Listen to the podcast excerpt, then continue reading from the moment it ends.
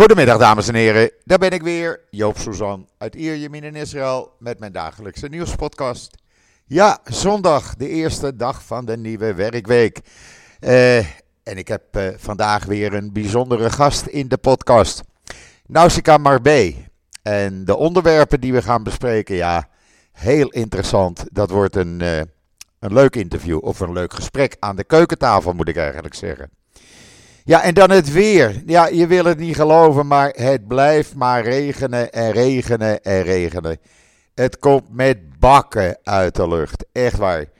Eh, er is gemiddeld zo'n 100, 110 mm overal gevallen. Het regent al sinds gisteravond non-stop. En we hadden gisteren in de dag ook al uh, heel veel regen. En dat blijft voorlopig uh, de komende dagen gewoon doorgaan. De temperatuur maar zo'n 11, eh, 12 graden, daar moeten we het mee doen. Dus je blijft eigenlijk liever binnen dan dat je naar buiten gaat. Maar ja, eh, mijn hondje moet er ook af en toe uit, hè. Dus dat is niet anders. Eh, maar goed, laten we eerst eens even kijken het belangrijkste nieuws. Want er is nogal wat gaande op het ogenblik. Ten eerste, natuurlijk in Israël Nieuws heb ik gisteren dat artikel uh, gehad. En daar ga ik het ook met uh, Nausicaa over hebben. Over die Joodse wetenschapper die na 7 oktober niet meer bestond voor haar collega-wetenschappers in de Universiteit van Groningen. Dat is een, ja, echt een bijzonder verhaal. En als je dat nog niet gelezen hebt, lees het even op israelnieuws.nl. Duizenden mensen hebben het al gedaan. En ja, als uit de reacties te zien, eh, merk ik dat men eh, enorm verbaasd is dat dit in Nederland gebeurt. Maar het gebeurt helaas. Die, uh, die wetenschapster wordt gewoon genegeerd door haar collega's. En dat, ja, dat zou toch eigenlijk niet kunnen bestaan hier in Nederland. Maar helaas, het gebeurt en het is maar slechts een klein voorbeeld van wat er allemaal gebeurt op universiteiten. Daarnaast heb ik uh, het ontroerende verhaal van Naama Moualem, een 28-jarige jonge advocaat die uh, voorbestemd was voor een glorieuze carrière, maar Hamas dacht daar anders over en heeft haar op 7 oktober vermoord. Uh, ja, ik, eh, ik krijg daar altijd tranen van in mijn ogen. Echt waar. Waar ik ook uh, tranen van in mijn ogen krijg, dat is uh, de video die ik online heb gezet, die ik vond bij N12 Nieuws, het kanaal 12 hier in Israël. Er was een soldaat die raakte ernstig gewond en verloor zijn beide benen in Gaza bij een explosie. Tijdens zijn herstel speelde zijn familie liedjes van Slomo Artsi. Uh, daar, was hij, eh, of daar is hij een uh, grote fan van. En Slomo Artsi kwam ook optreden in het Igilov ziekenhuis. En daar was hij natuurlijk ook bij.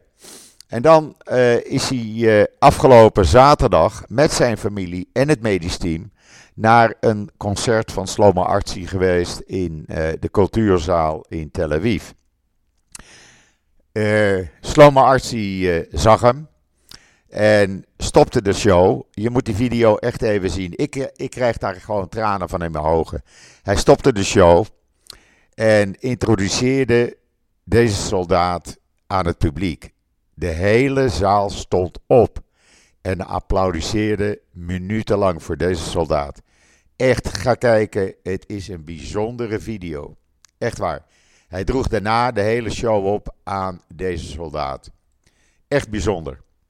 Dan heeft de IDF video's vrijgegeven die ze nog nooit uh, eerder hadden vrijgegeven van hun activiteiten in uh, Zuid-Libanon. De kans op een oorlog, ja, hij wordt helaas stil groter. Uh, groter en groter. En als je die beelden ziet, ja, men gaat er uh, niet zachtjes tegenaan, moet ik zeggen. Het zijn video's die ik nog nooit eerder heb gezien. Uh, de IDF heeft ze altijd uh, bij zich gehouden, maar heeft ze nu vrijgegeven. Omdat het een beetje uit de hand loopt. Er is ook een Engelstalige verklaring van de IDF-woordvoerder bij. ja, dan krijg je een beetje, als je dat artikel op Israël Nieuws hebt gelezen en de video's hebt gezien, eh, krijg je een beetje het idee wat voor risico we in het noorden aan het lopen zijn. Want echt, dat gaat niet goed. Als dat uh, zo door blijft gaan, ja, dan voorzie ik toch een, uh, een grote oorlog, helaas. En ik zit daar niet op te wachten, kan ik je zeggen. Uh, en dan, ja, interviews met een aantal commandanten over hun werkzaamheden in de westelijke Jordaanoever, in Judea en Samaria. Dat zijn reservisten die daar uh, ja, het terreurnetwerk proberen op uh, te rollen. En die, ja, die winden er geen doekjes om. Ze vertellen precies wat er aan de hand is. Dan moet je maar even op Israël Nieuws lezen. En natuurlijk gewoon de video's, gewoon noem ik het alweer. Ja, het is eigenlijk niet anders. Hoe de IDF de afgelopen 24 uur in Gaza door is gegaan. Staan ook allemaal op Israël Nieuws. Lees het maar even. En dan Jeruzalem heeft geen idee van het aantal door UNRWA gesponsorde scholen binnen hun gemeente. Dan zou je zeggen, in Jeruzalem? Jawel, in Jeruzalem. Die zitten namelijk in Oost-Jeruzalem. En uh, het onderwijs dat daar wordt gegeven, nou, het is precies hetzelfde als de uh, jongelui in uh, Gaza uh, door UNRWA werden onderwezen. Nou, dan weet je al welke kant het op gaat. Dat verhaal heb ik online gezet op social media, want het stond in de Jeruzalem Post. En dan meneer Ben-Gvir, die zorgt dat Amerika geen vriendjes wordt met Israël. Want die zegt gewoon in een interview met de Washington Wall Street Journal dat Israël meer steun zal krijgen van Amerika als Donald Trump herkozen is. Ja, dat moet je natuurlijk niet doen. Maar deze extremistische minister denkt dat hij alles kan zeggen en alles beter wordt, weet. Ja, ik denk dat Biden hierop gaat reageren en snel ook. En dat zal je zien. misschien een verminderde wapentoevoer of verminderde steun aan Netanyahu. Maar Biden zal hierop reageren. Lapid en uh, Gans hebben hier al op gereageerd. En uh, ja, die gaan natuurlijk behoorlijk tekeer op meneer Ben-Gvir. En dan uh, de ex-Mossad-chef Yossi Cohen. Ja, ik denk dat hij gelijk heeft in een interview met de Times of Israel. Want hij zegt gewoon: als we de overgebleven gijzelaars vrij willen hebben, dan moeten we een deal sluiten. Uh, uh, ja, gewoon een deal sluiten op wat voor manier dan ook. En geen kritiek meer hebben op Qatar. We moeten er een hoge prijs voor betalen, zegt hij. Want je krijgt ze anders niet vrij. Hoeveel er nog leven, niemand die het weet. laten we vandaag dan beginnen met die hoge prijs te betalen, zegt hij. Want uh, het is een onmenselijke tijd die die mensen, die die gijzelaars in Gaza doorbrengen. Cohen is altijd, en dat is hij nog denk ik, een vertrouweling van Netanyahu geweest. En uh, Netanyahu wilde hem zelfs ooit eens uh, als zijn opvolger zien. Maar dat gaat geloof ik niet door voorlopig. In ieder geval, uh, ik denk dat hij uh, op dit moment met deze uitspraken uh, geen vriendjes met Netanyahu meer is. maar goed, het is een zeer openhartig interview. Lees het anders even in de Times of Israel als je me niet gelooft. Ja, dan waren er hakenkruizen op de synagoge in Middelburg. Want ja, ook in Nederland lopen de antisemieten gewoon rond. En uh, ik heb gisteren trouwens uh, filmpjes online gezet van ANP-verslaggever. Eh, die over die demonstranten die vrijdagavond in het Centraal Station van Den Haag eindelijk door de politie werden verdreven. Nou ja, dat pakte, pikte mevrouw Asja ten Broeke natuurlijk niet. Maar ik heb daarbij gezet, het moet nou maar eens een keer bekend worden mensen. Deze clubs die worden gewoon uh, gesponsord, gefinancierd. Uh, en hen wordt opgedragen vanuit het buitenland. Uh, wat voor leuzen ze moeten roepen. Wanneer ze weer een sit-in moeten houden. En hoe ze het moeten doen. Want echt, dit zijn geen spontane sit-ins. Dat wordt allemaal vanuit het buitenland geregeld. Echt, eh, en dat zit ook met die universiteiten zo. Maar dat ga ik eh, strakjes met uh, Nausicaa erover hebben. Maar echt, als jullie denken dat het nog een uh, gewoon uh, spontane actie is, vergeet het. Het is allemaal georganiseerd door Palestijnse groepen in het buitenland. En dan, ja, volgens de Wall Street Journal, ja, die denkt ook dat ze alles weten, maar ik vertrouw ze wel, moet ik zeggen. Die onthulde gisteren dat de, de, echte, de echte reden dat er nog geen staakt het vuren is en de gijzelaars nog niet vrij zijn, dat is vanwege ruzie tussen Sinwar en HNI. Sinwar is de man in de tunnels. HNI is de man met de 4,5 miljard dollar in Qatar. En die hebben ruzie.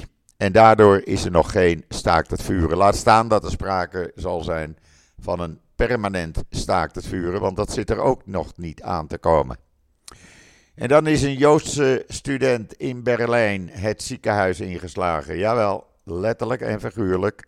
Het ziekenhuis ingeslagen met breuken aan zijn, in zijn gezicht. Eh, want eh, ja, hij eh, had wat opmerkingen met een andere student over de oorlog in Gaza. En dat pikte die andere student niet. Hij was, de Joodse student was aan het wandelen met een kennis. Toen ze een medestudent ontmoetten, een discussie ontstond daar. En uh, ja, die pro-Palestijnse student sloeg de Joodse student letterlijk en figuurlijk het ziekenhuis in. Staat in de Jeruzalem Post, ik verzin het niet. En dan ook goed nieuws, want Sharon Kantor, heeft het wereldkampioenschap windsurfen gewonnen. Jawel, de video kan je zien in Times of Israel. Dat mag ook wel eens een keer wat goed nieuws. Want dat ben ik een beetje zat eigenlijk. En ook goed nieuws, en dat ga ik echt doen. En daar kijk ik zo naar uit, mensen. Dat vind ik zo leuk. Op uh, een van de scholen van de kleinkinderen van mijn overleden meisje. En dat zijn natuurlijk ook mijn kleinkinderen. En die meisjes zijn 8 en 10 jaar.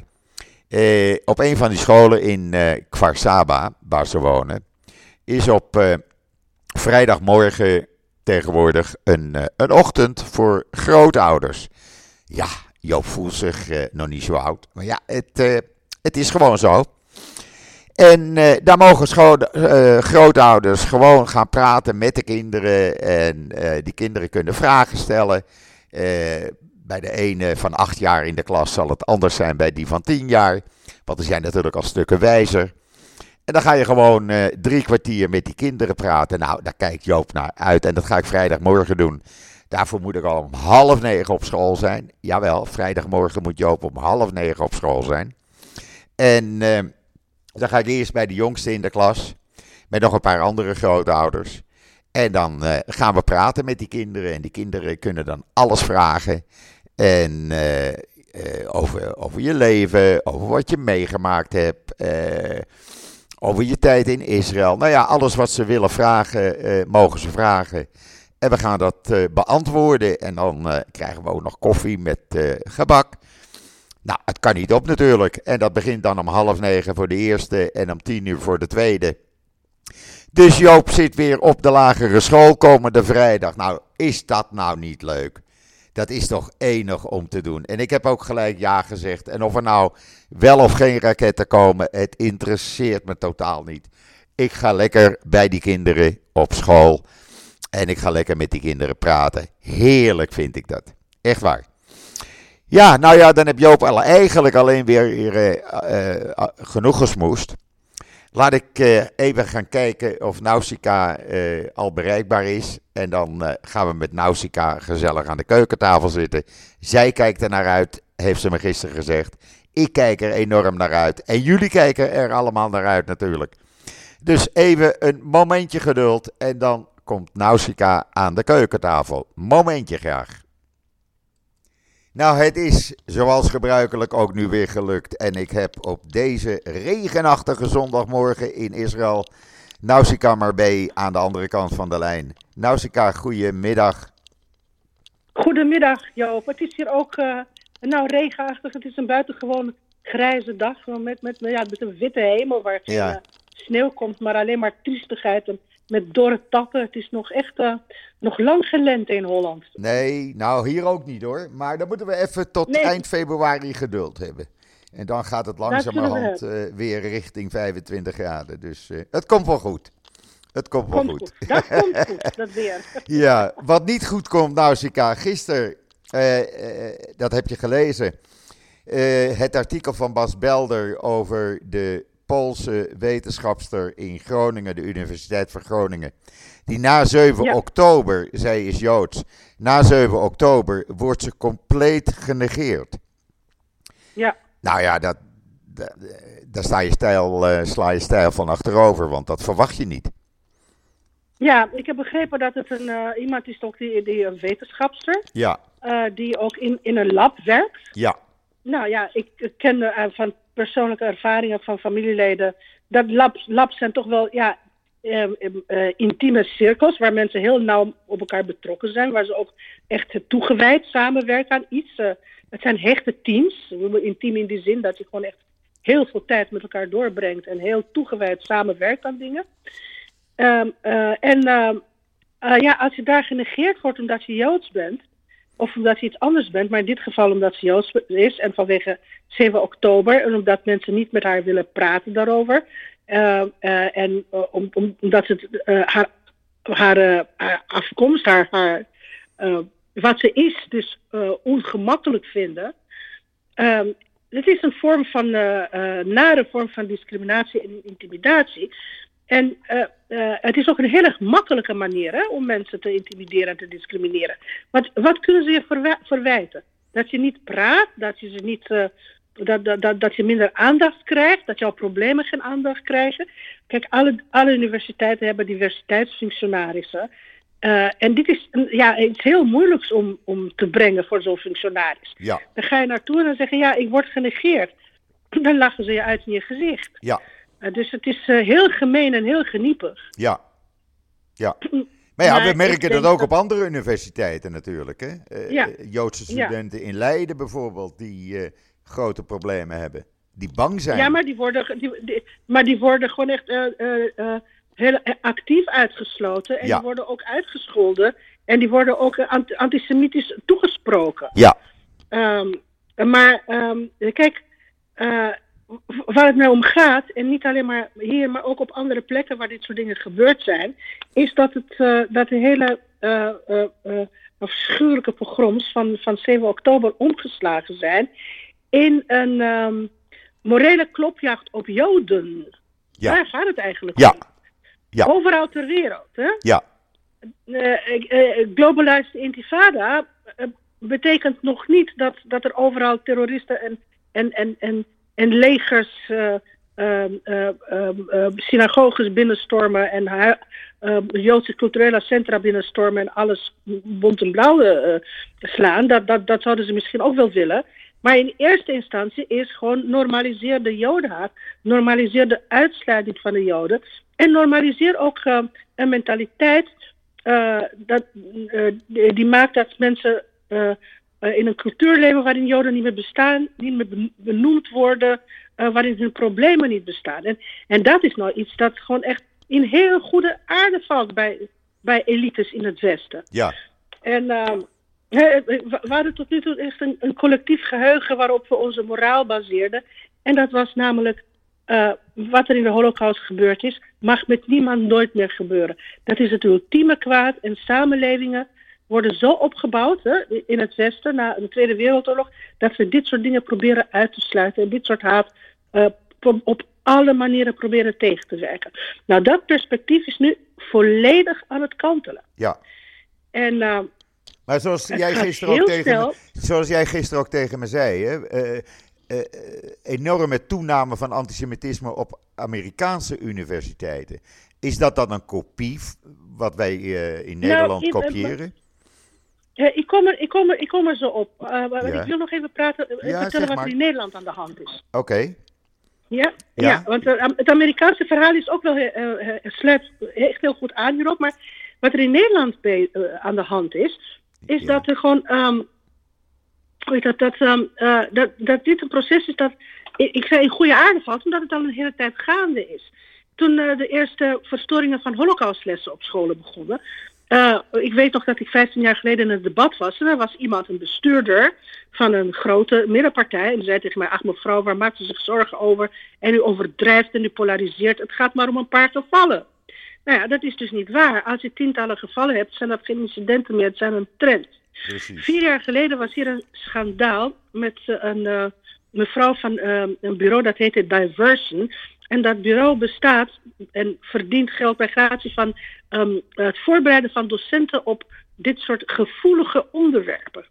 dus historische feiten zijn al gevoelige onderwerpen geworden. En haar stelling was, en dat is een stelling waarmee heel veel mensen geld verdienen in Nederland, is ja, uh, we wonen inmiddels met zoveel nieuwe Nederlanders die niet opgegroeid zijn met de Tweede Wereldoorlog. Het maakt niet deel uit van hun collectieve geheugen. Zij verzetten zich tegen holocaustlessen. Dus we moeten met ze in dialoog. En wij leren leraren hoe ze met ze in dialoog gaan. Nou, ja. Want die perspectieven mogen niet tegengesproken. Nou, kijk, dat is het hek van de dam. Ja.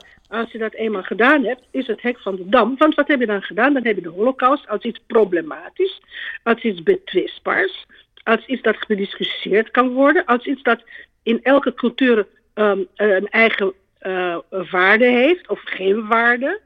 Um, en dat dubieus is.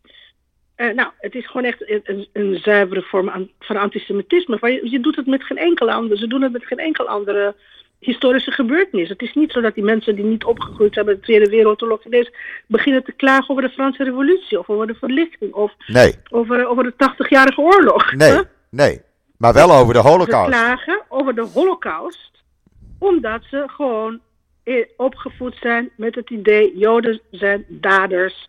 Het zijn uh, geen slachtoffers. En dat willen we dus ook, dat historische perspectief op het slachtofferschap willen we veranderen.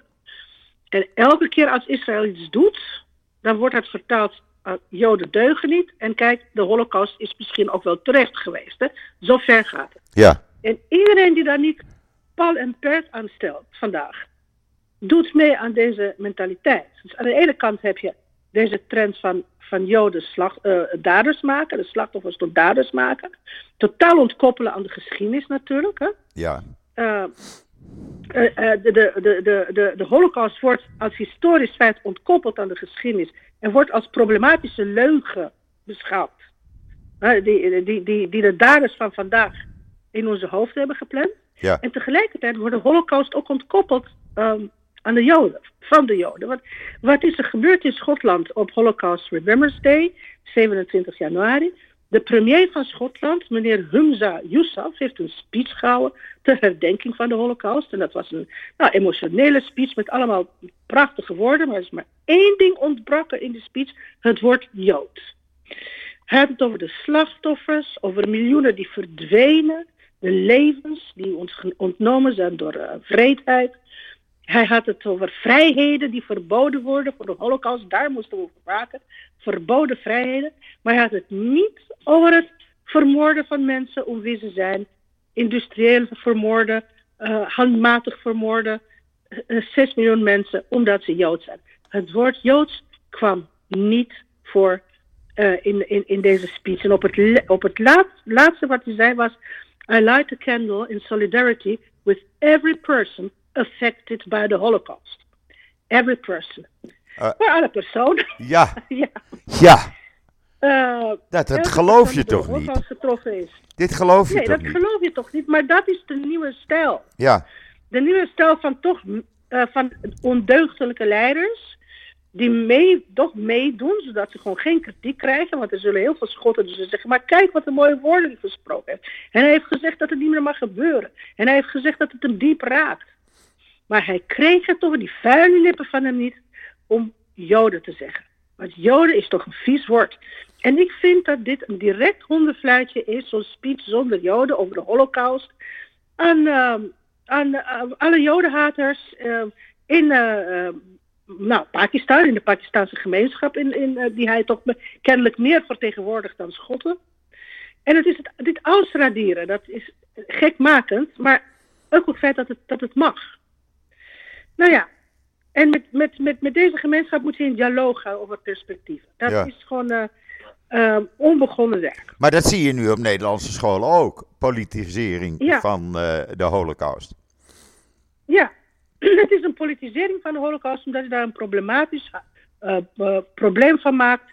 Geen historisch feit meer, maar een inzetbaar, eh, politiek inzetbaar ehm, eh, Onderwerp. probleem. Ja. Eh, on- on- onderwerp en eh, voornamelijk een probleem dat opgelost moet worden. Dus, eh, Ja. En ik, het spijt me om te moeten zeggen, maar het 4 en 5 mei-comité heeft onbewust daaraan meegedaan. Want een paar jaar geleden begonnen ze ook met reclames waaruit de Tweede Wereldoorlog verdwenen was. Ongelooflijk, hè? Ja. Over vrede en, en, en samenwerking en verbroedering en zo. Geen Tweede Wereldoorlog, zeker geen Joden. Dat is gecorrigeerd. In latere jaren is dat toch wel weer veranderd. Maar ze hebben ook een trend van we moeten nieuwe generaties be- betrekken. En ze hebben andere perspectieven en andere ervaringen en andere culturen. Van nee, er is geen enkele nieuwe cultuur die in Nederland gekomen is die het recht heeft om de geschiedenis te herschrijven. Dat Precies. mag niet. Dat recht bestaat niet. Dat recht bestaat voor niemand. En ook mensen die eh, al, al, al honderden jaren in Nederland eh, wonen, kunnen de geschiedenis alleen maar herschrijven op basis van historische feiten waar wetenschappelijk onderzoek naar gedaan is. En niet door haat en humeuren en jodenhaat en, en, en wat dan ook. Precies. Dat moet meteen afgekapt. Er is geen enkel dialoog mogelijk. Dat moet meteen afgekapt worden. En dat zijn de skills die de leraren en hoogleraren moeten leren. Als ze tenminste een geweten kweken. Maar ze durven dat niet. Want ze zijn bang. Nee, ze Eh, durven dat die niet. leraren Nee, zijn bang het- voor het- kritiek het vanuit zijn leningen, eh, Ze, ze kopiëren. Ja, Ja? ja. Ja, het is een kopie van wat er in andere landen gebeurt. En dat gebeurt in Nou, Nederland ja. helaas ook. En, dat, ja, en het, het gebeurt in heel veel andere landen. ja, het neemt alleen maar toe, Ja. is mijn gevoel. Ja, ja als, je de, als je de Allgemeine leest, de eh, eh, Duitse eh, prachtige krant met heel veel nieuws en heel veel informatie over het Joodse leven in Duitsland en elders. En daar lees je precies dezelfde dingen, Ja. precies dezelfde patronen. Het is gewoon een vermenging van het heel oude ehm, Euro- Europese antisemitisme met het heel erg actieve, brutale en vrede Ja, antisemitisme van, van, van, van nieuwkomers. Ja. Die, eh, die dat eh, via de Arabische cultuur hebben binnengekregen. en hoe moet dat En dan... Hoe moet dat, te weinigen zich aan kunnen ontworstelen. ja, precies. Maar hoe moet dat dan eh, eh, gevoelsmatig zijn voor de mensen die de holocaust hebben overleefd? Nou, dat is gewoon verschrikkelijk. Dat is verschrikkelijk. Ik heb ehm, eh, tijdens Remembrance ehm, Day heb ik ehm, ehm, eh, eh, of rond de Remembrance Day heb ik heel veel artikelen gelezen van, van mensen die, die nu in de tachtig of me- meestal in de negentig zijn. En die bewuste bevrijding hebben meegemaakt. En die ehm, eh, jarenlang op scholen hebben ehm holocaust eh, onderwijs hebben gegeven. En eh, nou, er is mevrouw eh, in Italië, die heet Liliana Segre, die is 93. En eh, zij wordt ook het geweten van Italië genoemd. Ze is door eh, de eh, vorige regering, niet deze van Meloni, maar gewoon echt eh, de hoogste onderscheiding heeft ze gehad.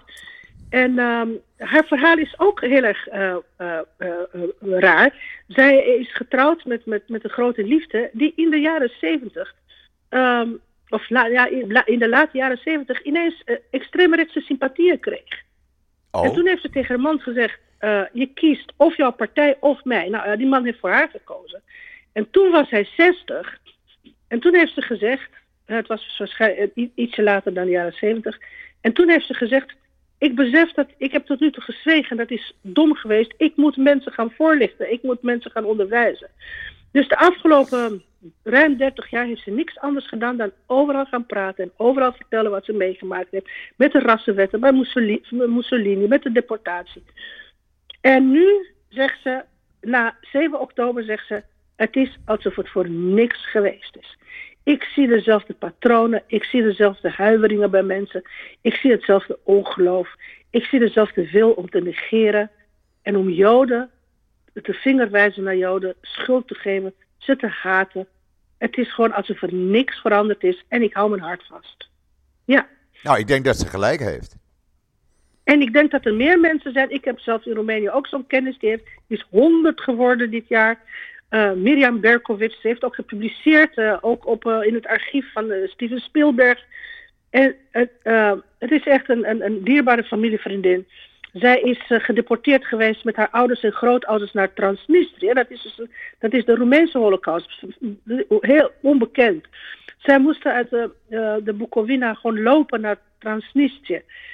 in het oosten van, um, van, van, van, van Moldavië, dat is de Russische Republiek Moldavië. En nou ja, dat was een dodenbaars. En zij ja. heeft gewoon haar uh, grootouders aan de kant van de weg moeten laten. En die, ze hebben nooit meer iets van ze gehoord. En zij, haar zus en haar ouders hebben het overleefd, maar vragen niet hoe.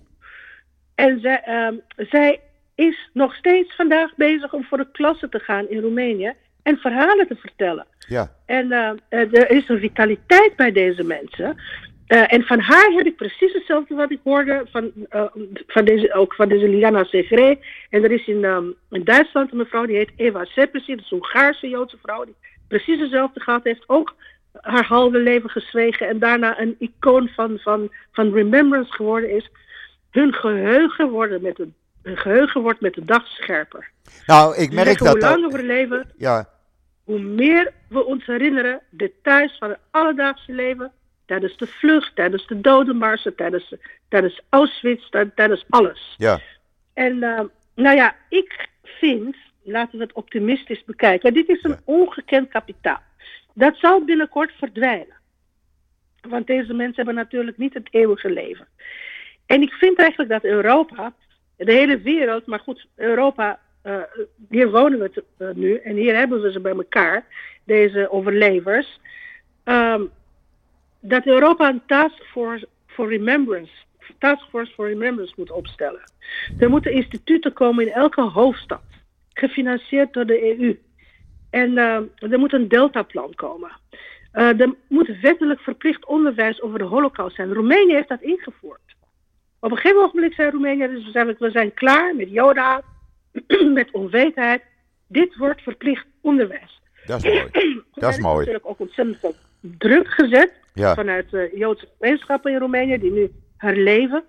Maar het is bereikt. Uh, er moeten uh, jonge generaties komen die de fakkel overnemen en die verhalen blijven vertellen. En er moeten kaders ja. komen in het onderwijs. Precies. En er moeten misschien ook speciale functionarissen uh, jodenhaat komen, want die diversiteitsfunctionarissen hebben gewoon geen niks bereikt.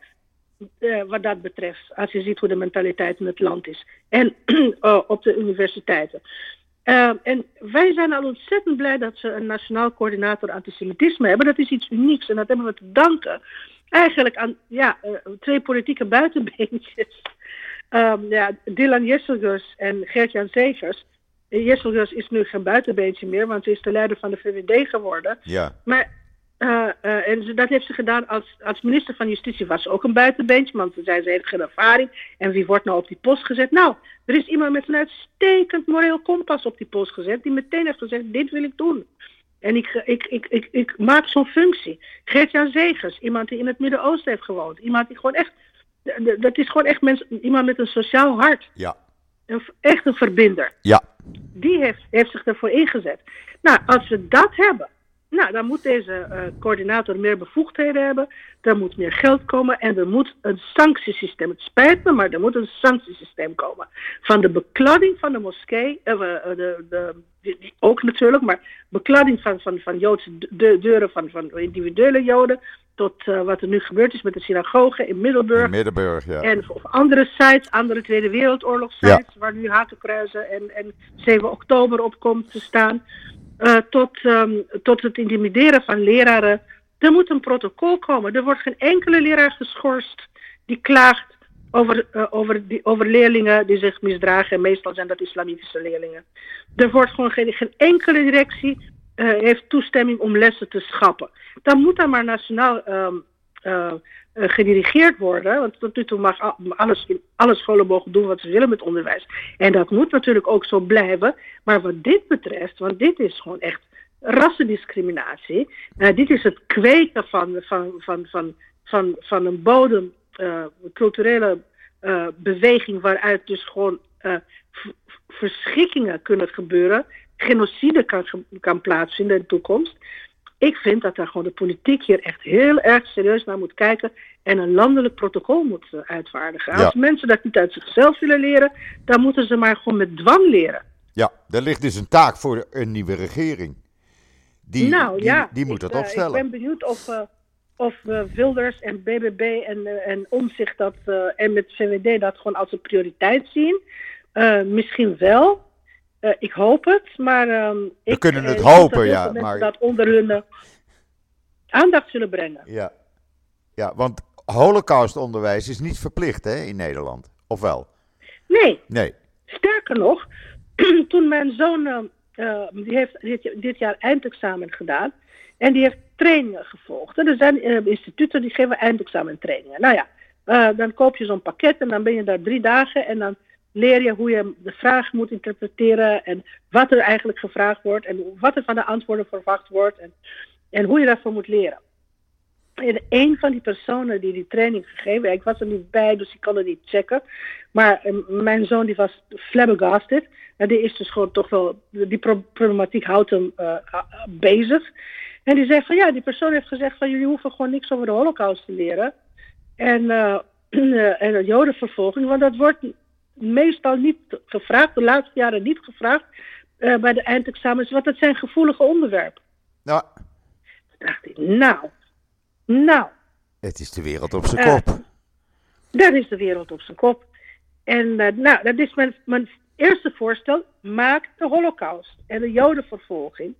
Maak genocide in de vorige eeuw, in deze eeuw. Srebrenica was ook genocide. Maak het verplichte onderwerpen bij eindexamens. Diegenen die de eindexamenvragen eh, samenstellen, moeten deze onderwerpen behandelen. Ja. Zodat het gewoon echt. En als je daar niet over wil schrijven, dan zak je misschien. En hetzelfde geldt voor de leerlingen in de klas die uh, stennis maken uh, over de holocaust. Ten eerste moet je de politie bellen als ze agressief worden, als ze de les verstoren. Ze moeten van school verwijderd worden. Of je, uh, je gaat niet in discussie met ze. En als ze de stof niet leren, dan zakken ze voor dat vak. En dan blijven ze misschien zitten. Dat is de consequentie. Dat is de enige consequentie. Ja. Niet dat ze gepaaid worden en gekieteld worden. Nee. En, en, dat hun objecten, denkbeelden leiden worden in uh, het gesprek in de klas. In plaats van de stof die ze moeten leren en moeten accepteren omdat het gebeurd is. Precies. Want de studenten hè, die nu studeren, die nu op universiteiten, op hogescholen zitten, dat zijn onze toekomstige bestuurders. Ja. ja. Die mensen. Ja, die, zijn dus, ja, die worden nog erger dan de bestuurders die dit toelaten. Juist, precies. Dat is mijn angst ook. Ja. Dat over 10, 15 is, jaar. Ja, uh, ja. Uh, dat, dat, dat, dat kan ik me haast niet voorstellen wat er dan gebeurt. Echt niet. Nee, nou, over 15 jaar zijn deze mensen, hebben die allemaal functies op ministeries. En gaan ze beleid boycotten. En het is allemaal, het wordt allemaal erger en erger en erger. En er is gewoon echt, niemand kan dat ontkennen. Dit is de toekomst, dat gaat gebeuren. Ze gaan op de ambassade zitten. Ja. Ze gaan, uh, ze gaan uh, op ministeries zitten. Ze worden onze artsen, ze worden onze leraren, ze worden onze lokale bestuurders. Ja, en dan en, mensen en, met... met... En, en, en, met de mentaliteit van jodenhaat en met de mentaliteit van, van uh, geschiedherschrijving, met een antirechtsstatelijke mentaliteit, dus dat elke pressiegroep kennis en wetten naar zijn zin kan zetten en kan afdwingen voor een, voor een grote meerderheid. Het is ontzettend antidemocratisch, het is anti, anti-rationeel, het is het kweken van ressentiment, het is opruiing. Nou, dat zijn de toekomstige bestuurders. Ja. Ja. En ik denk niet dat dat gewoon. Dat zijn, kijk, als deze kinderen. Uh, Hafid Bouhazza de, de, de, Marokkaanse schrijver en dichter en vertaler, een briljante geest. En een heel goede analyticus van de flautes van de multiculturele samenleving. Helaas leeft hij niet meer, hij is vroeg overleden. In zijn, nou ja, jong, in 50 was hij, in de 50. Ja, ja. Uh, die heeft altijd in zijn vlammende stukken over gewaarschuwd. Uh, mijn generatie heeft thuis antisemitisme via de schotelantenne met de paplepel ingegoten gekregen. Kun je nagaan. Als kinderen die, uh, die dat van televisie hebben gekregen. En nu is er internet. Wat ze allemaal van internet kunnen krijgen. Dat is gewoon echt een directe transfusie van jodenhaat. Ja. Dat zit gewoon echt op een gegeven ogenblik in je hele wezen. Ja. En dan, moet je, dan zou je denken, de Nederlandse scholen hebben de taak om deze haat te deprogrammeren. We hebben programma's, of althans Duitse scholen hebben programma's tegen neonazies, kinderen die uit neonazi-milieus komen. Heel duidelijke programma's en protocollen hoe je die aanpakt. Als ze propaganda beginnen te maken in de klas. Maar ook hoe je ze herkent. Nou, dat hebben wij niet. Wij hebben de dialoog. Ja, de dialoog. Ja. Ja. Het is onverstaanbaar. Nou, het is onverstaanbaar. Zijn we nu aan de uh, Amerikaanse universiteiten toe? Ja, allang. Oké, oké. Nou ja, een frappant artikel. Ik zal vertellen wat ik dus gewoon gelezen heb. Ja. In het, um, je kent het vast zo, uh, Tablet Magazine. Ja. Ken ik. Dat is dus een uh, Joods magazine uit Amerika. Het is echt eigenlijk de New Yorker, maar dan voor een, met een Joods perspectief. altijd ontzettend goede analyses en stukken. En over alles. Joods leven, over eten, over tradities. En over nou, politieke opinies en cultuurveranderingen. Ja.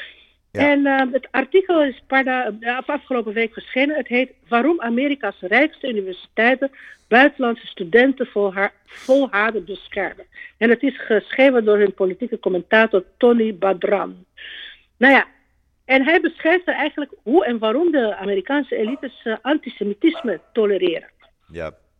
En zoals hier ook Amerikaanse universiteiten die kampen dus met uh, agressieve demonstraties voor jodenhaat en studenten die uh, allemaal afschuwelijke statements maken, maar die echt ook, ook um, de uh, um, Amerikaanse universiteiten aanklagen dat ze medeplichtig zijn aan genocide.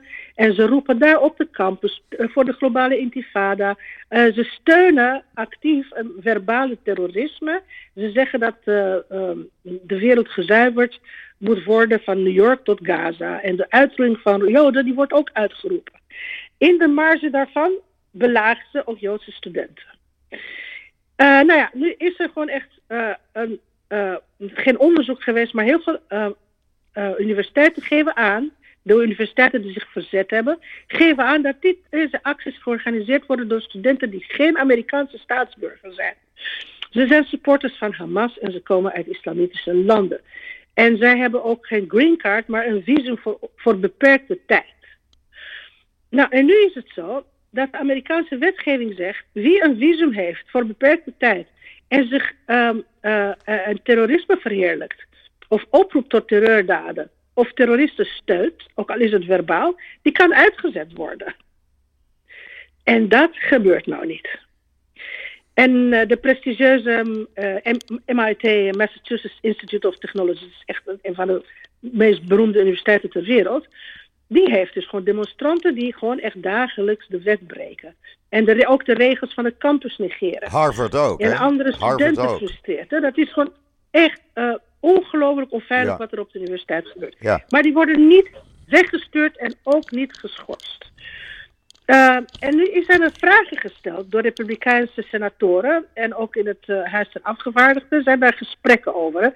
Dus het laatste woord is hierover niet gezegd. Maar wat er tot nu toe ontdekt is, is namelijk dat de meeste en zeker de prestigieuze instituten waar iedereen, uh, universiteiten waar iedereen wil studeren, die krijgen ongeveer 25 à 35 procent, ik geloof Harvard 25 Um, andere uh, MIT uh, is 35% van studenten uit het buitenland. En dat zijn meestal studenten uit Arabische dictaturen.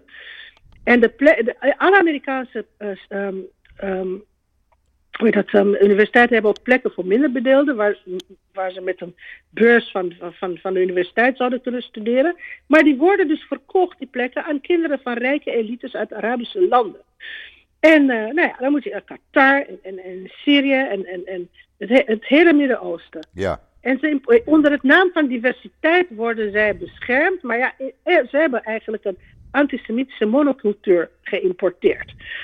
Uh, en dat schrijft deze man in Tablet Mac, Mac letterlijk op. Deze mensen zijn gedrenkt in antisemitisme. En hun rijke families maken deel uit entourages van islamitische dictators. En hun regeringen betalen miljarden aan de universiteiten. Dus het is een verdienmodel. Uh, jaarlijks worden uh, door Qatar en andere staten miljarden betaald. Naast hun fees. Dus de, deze rijke families betalen volledige volle pond voor deze studenten. voor hun kinderen om daar te studeren. En daarnaast betalen die antisemitische staten, dictaturen, ook nog geld aan de universiteit. Dus het is voor de Amerikanen een gigantisch verdienmodel. Ja. Uh, wat is er gebeurd? Er zijn groepen die zich verzetten. Uh, uh, goddank. ook hoogleraren die zich verzetten. Er zijn universiteiten die zich verzetten hebben, die aangifte hebben gedaan. Maar nu komt het. De administratie Biden is ontzettend ongelukkig met dit verzet van de universiteiten. Want ze vinden dat het leidt tot islamofobie. Want wat hebben deze universiteiten gemaakt? Ze hebben mensen lijsten gemaakt van mensen die terrorisme steunen. En ze hebben aangifte gedaan. En als je aangifte doet in Amerika, dan hebben we gewoon echt volgens de federale, nou, nee, de, nee, de wetten van sommige staten, moet de politie, bijvoorbeeld in Massachusetts, op internet zetten wie, uh, tegen wie aangifte gedaan is en wie opgepakt is. Nou ja, dat heeft, uh, uh, er is een signaal gekomen uit het Witte Huis dat dat niet mag, want het al doxen zou zijn. Hè? Dat zou gewoon echt illegaal gegevens verspreiden van, ja. van burgers. Maar het is, het is de wet die je verplicht om dat te doen. Het zijn mensen die criminele feiten hebben gepleegd. Nee, uh, administratie Biden wil niet dat deze mensen gecriminaliseerd worden, want het zijn islamieten en dan is dat islamofobie en daar willen we niks mee te maken hebben.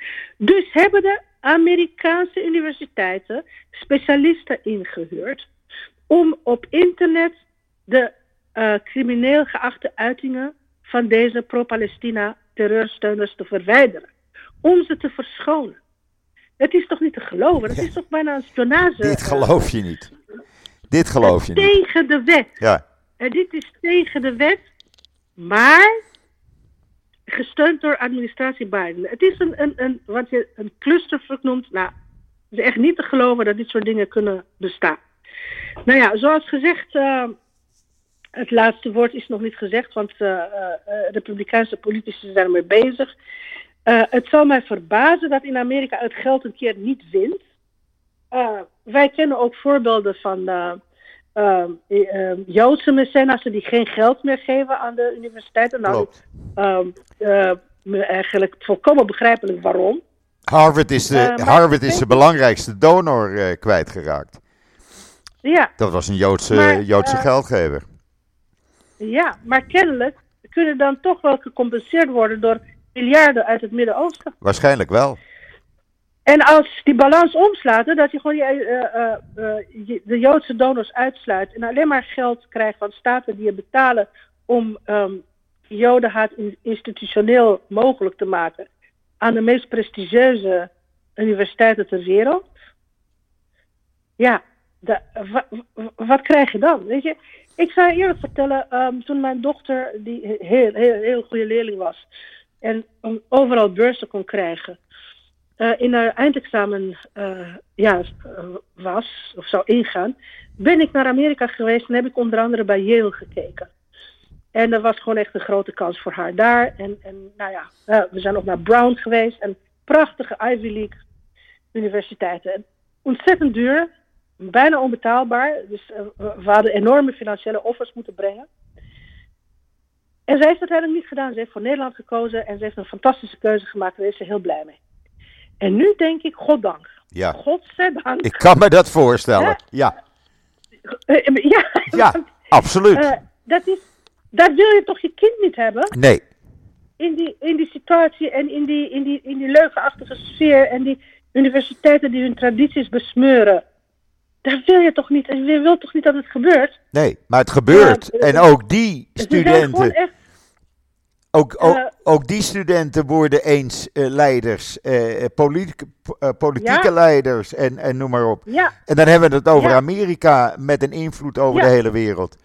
Ja, dat zijn en hebben ze gewoon in Amerika gestudeerd. En hebben ze gewoon. Bin Laden had ook in Amerika gestudeerd. Hè, ja. Trouwens. ja, ja. Maar ehm, ik wil niet helemaal de moed opgeven, want er zijn ook heel erg dappere, kleinere clubs nou, het verzet komt altijd, en dat is heel mooi, uit uh, echt het felste verzet van plekken die je niet verwacht. Ik heb geen petitie gezien van hoogleraren tegen de Jodenhaat aan de universiteiten. Ik heb geen petities gezien van, van verenigingen van, van middelbare scholen of van, van, van de gymnasia of van, van wat dan ook. ehm, eh, tegen jodenhaat op school. Wat ik wel gezien heb, is een post van eh, de LBVSO.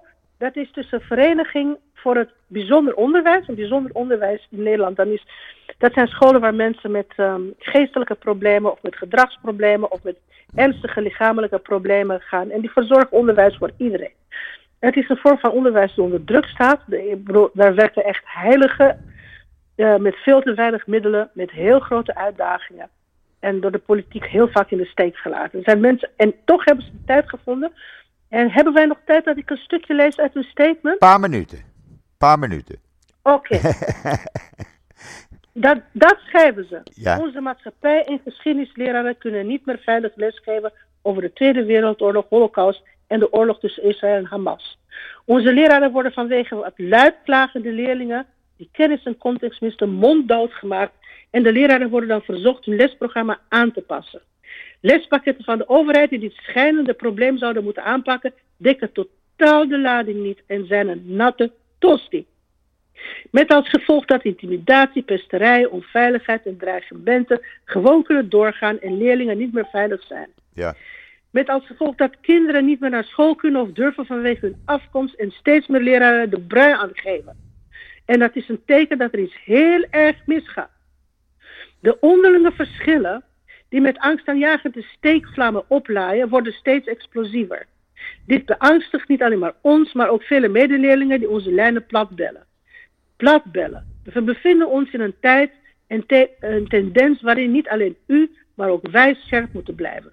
Wij zien graag dat er een hardere aanpak komt en men niet wegkijkt wanneer regels geschonden worden of als er uitlokking tot onveiligheden zijn. Dat u ingrijpt, dat is een directe oproep aan de politiek. Dat u ingrijpt wanneer er ontkenning is van de geschiedenis en niet toelaat dat deze herschreven wordt vanwege wat gevoeligheden.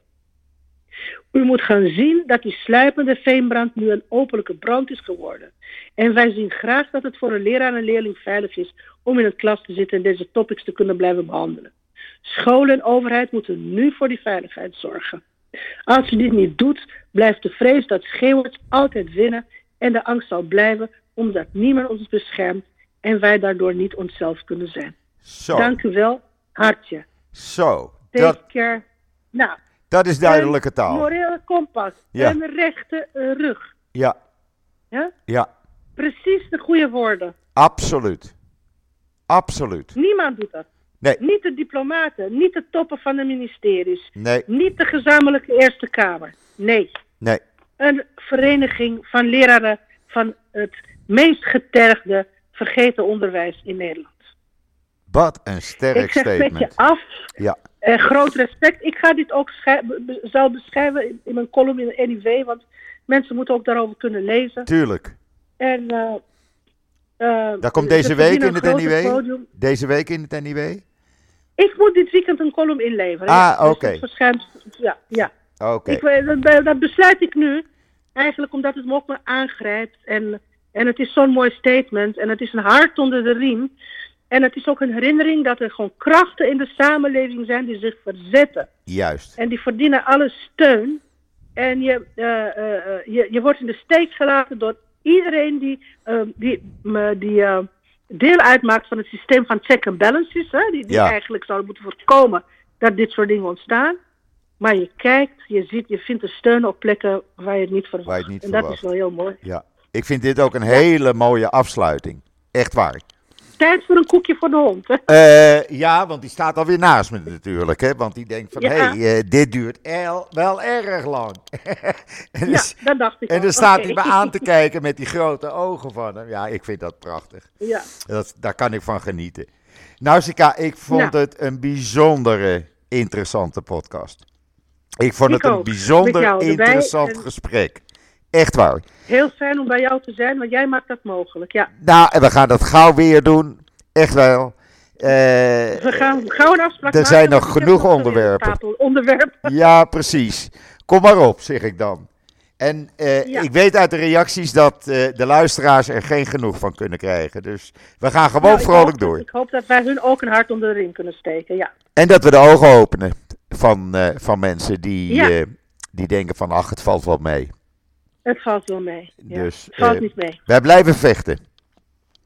Zo is het. We blijven vechten. En nou, tot de volgende keer. Nausicaa, nogmaals dank. En tot Graag spoedig. gedaan. En tot spoedig. ja, Dankjewel. tot spoedig. Oké. Bye, bye.